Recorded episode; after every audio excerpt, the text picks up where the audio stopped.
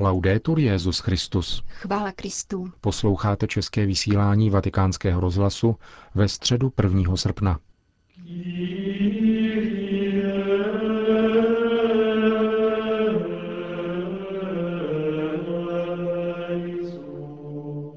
Po své měsíční dovolené Benedikt XVI. opět zahájil pravidelné generální audience. Ta dnešní se konala v Castel Gandolfo na náměstí před papežskou rezidencí a účastnilo si několik tisíc lidí. Svatý otec pokračoval ve svém cyklu katechezí o modlitbě, byť v poněkud zkrácené formě. Podnětem mu byla dnešní liturgická památka svatého Alfonse. Cari fratelli e sorelle, Drazí bratři a sestry, ricorre oggi la memoria liturgica di Sant'Alfonso Maria di Liguori, na dnešek připadá liturgická památka svatého Alfonze Maria de Liguori, biskupa a učitele církve, zakladatele kongregace nejsvětějšího vykupitele, takzvaných redemptoristů, patrona spovědníků a morálních teologů. Svatý Alfons je jedním z nejpopulárnějších svědců 18. století díky svým jednoduchým a bezprostředním způsobům a díky své nauce o svátosti pokání. V době velkého rigorismu, který byl důsledkem jansenismu, doporučoval spovědníkům, aby tuto svátost udíleli způsobem, který naznačuje radostné obětí Boha Otce, jenž ve svém nekonečném milosedenství neváhá přijmout litujícího syna. Dnešní památka nám dává příležitost pozastavit se u cené a duchaplné nauky svatého Alfonze o modlitbě. Jde o dílo, které vzniklo v roce 1759 pod názvem Modlitba Velký prostředek spásy a které považoval ze všech svých spisů za nejužitečnější. Popisuje v něm modlitbu jako nezbytný a jistý prostředek k dosažení spásy a všech milostí, které potřebujeme k jejímu dosažení. Tato věta zhrnuje celé alfonziánské pojetí modlitby. innanzitutto dicendo che è un mezzo, ci richiama al fine da raggiungere. Už jenom tím, že ji označuje za prostředek, odkazuje ke kýženému cíli. Bůh nás stvořil z lásky, aby nám mohl darovat život v plnosti. Avšak tento cíl, tento život v plnosti se v důsledku hříchu, jak všichni víme, poněkud vzdálil. A jedině milost Boží dává možnost jej dosáhnout. Na vysvětlenou této základní pravdy a aby dal člověku porozumět reálnost rizika záhuby, vytvořil svatý Alfons proslulou a velice elementární maximu, která říká Kdo se modlí, bude spasen, kdo se nemodlí, zatracuje se. Tuto lapidární větu pak komentoval slovy. Být spasen, aniž by se člověk modlil, je velice obtížné, ba nemožné, ale modlitbou je člověk spasen jistě a velice snadno. A dodává ještě. Pokud se nemodlíme, nemáme omluvu, protože milost modlitby je dána každému. Pokud nebudeme spaseni, padne veškerá vina na nás, protože jsme se nemodlili.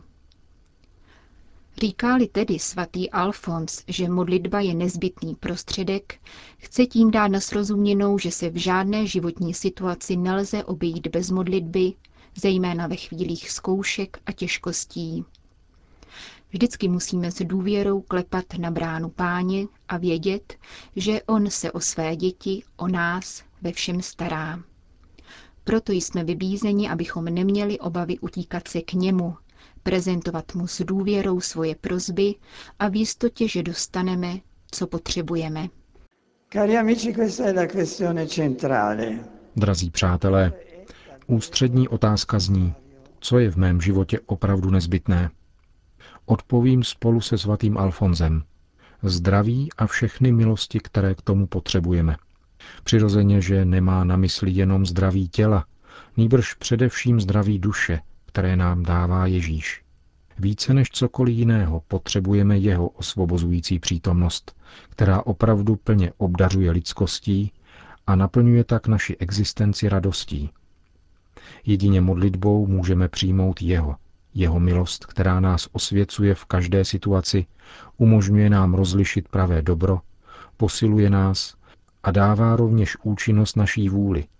to jest uschopňuje ji k uskutečňování poznaného dobra. Často totiž rozpoznáváme dobro, ale nejsme schopni jej uskutečnit. Modlitbou dojdeme k jeho uskutečnění. Pánův učedník ví, že je neustále vystavován pokušení a neopomíjí žádat modlitbou Boha o pomoc, aby je přemohl. Rispondo con Sant'Alfonso, la salute. Svatý Alfons podává velmi zajímavý příklad svatého Filipa Neriho, který jakmile se ráno vzbudil, říkal Bohu, Pane, drž svoji ruku nad Filipem, protože pokud ne, tak tě Filip zradí. Byl velkým realistou. Žádal Boha, aby nad ním držel svoji ruku. Také my, vědomi si svých slabostí, musíme prosit Boha o pomoc s pokorou a důvěřovat jeho nezměrnému milosrdenství. V jiné pasáži svatý Alfons říká, jsme ochuzeni o všechno, ale poprosíme-li, už nejsme chudí. Jsme-li chudí my, je bohatý Bůh. Ve šlépějích svatého Augustína vybízí každého křesťana, aby se neobával opatřit si od Boha modlitbou sílu, kterou nemá a kterou nezbytně potřebuje ke konání dobra. V jistotě, že pán neupírá svoji pomoc tomu, kdo pokorně prosí. Cari amici, Sant'Alfonso ci ricorda che il rapporto con Dio è essenziale nella nostra vita. Drazí přátelé, Svatý Alfons nám připomíná, že vztah k Bohu je v našem životě podstatný. Bez vztahu k Bohu chybí základní vztah. A tento vztah se uskutečňuje v rozmluvě s Bohem, v každodenní osobní modlitbě a účastí na svátostech. Takto v nás pak může tento vztah růst a může v nás růst Boží přítomnost, která dává směr naší pouti, osvěcuje ji a skýtá jistotu a klid i uprostřed těžkostí a nebezpečí. E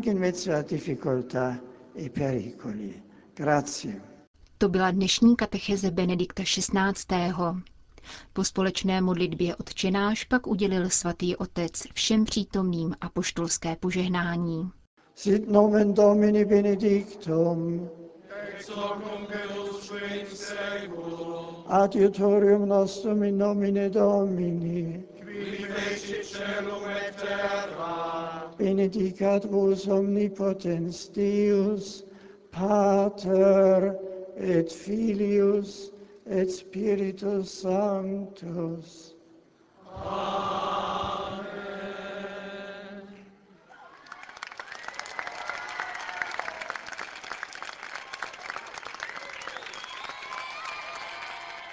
Další zprávy. Vatikán.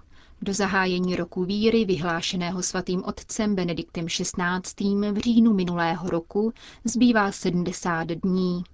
Svatý stolec dnes zveřejnil oficiální kalendář všech iniciativ, které budou doprovázet tuto pastýřskou iniciativu současného papeže. Slavnostnímu otevření roku víry 11. října na svatopetrském náměstí bude předcházet další setkání z cyklu Nádvoří národů. Uskuteční se tentokrát v Asízi, kde budou od 6. října věřící a ateisté diskutovat o víře. O den později 7. října zahájí své zasedání 13. řádná biskupská synoda, která se bude zabývat důležitostí nové evangelizace pro předávání víry. Již zmíněné datum slavnostního otevření roku víry, 11. říjen tohoto roku, je zároveň dnem 50. výročí zahájení druhého vatikánského koncilu – Svatý otec bude v 10 hodin dopoledne na náměstí svatého Petra slavit mši svatou společně se synodními otci a delegáty biskupské synody. Na večer připravuje italská katolická akce průvod s pochodněmi od Andělského hradu na svatopetrské náměstí, jako připomínku světelného průvodu druhého vatikánského či třeba efeského koncilu. Další významnou liturgickou slavností v měsíci říjnu bude svatořečení sedmi mučedníků a svědků víry. V neděli 21. října bude svatý otec předsedat kanonizační liturgii, při níž budou k úctě Všeobecné církve povýšení tři muži a čtyři ženy. Blahoslavení Giacomo Bertie, Pedro Calungsot, Giovanni Battista Piamarta, Marie z hory Karmel od dítěte Ježíše, Marie Anna Kope, Katarína Tekakvita a Anna Šefr. V témže měsíci dále proběhnou ještě dvě iniciativy. 12. října umělecký večer organizovaný Papežskou radou pro kulturu, jehož tématem se stane víra v Dantově božské komedii. A 20. října pouť na římský pahorek Janikul s následnou vigílií, pořádané kongregací pro evangelizaci národů. Každoroční pravidelná setkání jednotlivých vatikánských kongregací a papežských hrad budou po celý rok víry věnována tématu nové evangelizace. Prvním z nich se stane Kongres Světové unie katolických vyučujících s účastí Kongregace pro katolickou výchovu, plánovaný na konec října. Následovat mu bude Mezinárodní konference Papežské rady pro pastoraci zdravotníků v listopadu. Jiné dva semináře organizované Kongregací pro katolickou výchovu v Dubnu a září příštího roku se budou zabývat dokumenty druhého vatikánského koncilu a katechismem katolické církve. Z dalších doprovodných konferencí může být pro naši zeměpisnou oblast zajímavý Mezinárodní kongres, který bude v únoru 2013 hostit Papežský východní institut a Gregoriánská univerzita. Bude se týkat tisícího 150. výročí mise svatých Cyrila a Metoděje ke slovanským národům. K prosincovým bodům kalendáře roku víry náleží inaugurace tématické výstavy v Andělském hradu a zahájení Evropského setkání mládeže, organizovaného komunitou Teze a římským vikariátem na sklonku roku. Kromě obvyklých liturgických příležitostí, kterým bude v příštím roce předsedat svatý otec, stojí za zmínku eucharistická liturgie na poslední dubnovou neděli, při které bude svatý otec udělovat svátost běžmování. Vigílie slavnosti seslání Ducha Svatého bude patřit setkání církevních hnutí s Petrovým nástupcem. V polovině června proběhne den věnovaný encyklice Evangelium Vitae za účasti Benedikta XVI. O měsíc později svatý otec přijme na svatopetrském náměstí putující seminaristy, novicky a novice. Mládeži bude již tradičně patřit liturgie květné neděle a především pak Světové dny mládeže v Rio de Janeiro v závěru července – v září a říjnu příštího roku bude Benedikt XVI. slavit Den katechetů a Mariánský den. Rok víry se uzavře závěrečnou liturgickou slavností 24. listopadu. Jeruzalém apoštolský nuncius v Izraeli a na Kypru, jedna z nejobtížnějších a zároveň nejzajímavějších pozic papežské diplomacie. Arcibiskup Antonio Franco se s tímto úřadem po šestiletém působení loučí. Naší rozhlasové stanici nabídl krátkou bilanci. Musím se přiznat, že jsem nikdy předtím ve svaté zemi nebyl a přišel jsem tam až jako vyslanec svatého otce. Cítil jsem jako privilegium, že mohu zažívat jedinečnost této země, a to na jedné straně v její duchovní rovině, neboť Bůh v této části světa zasáhl do lidských dějin. Na druhé straně pak i v mnohotvárnosti jejich konkrétních problémů, které jsou zde přítomné a kterými se musí zabývat také církev.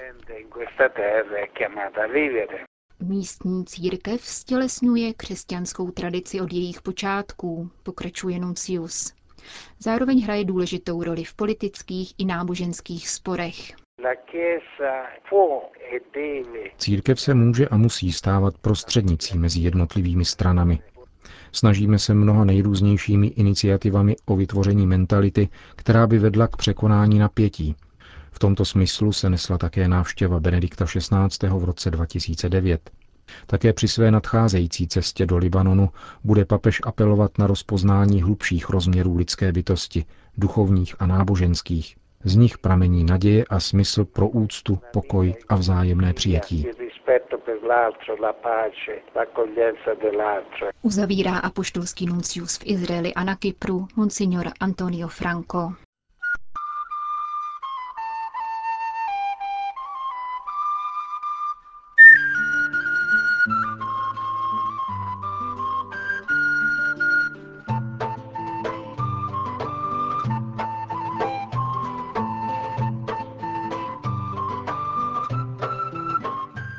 Končíme české vysílání vatikánského rozhlasu. Chvála Kristu. Laudetur Jezus Christus.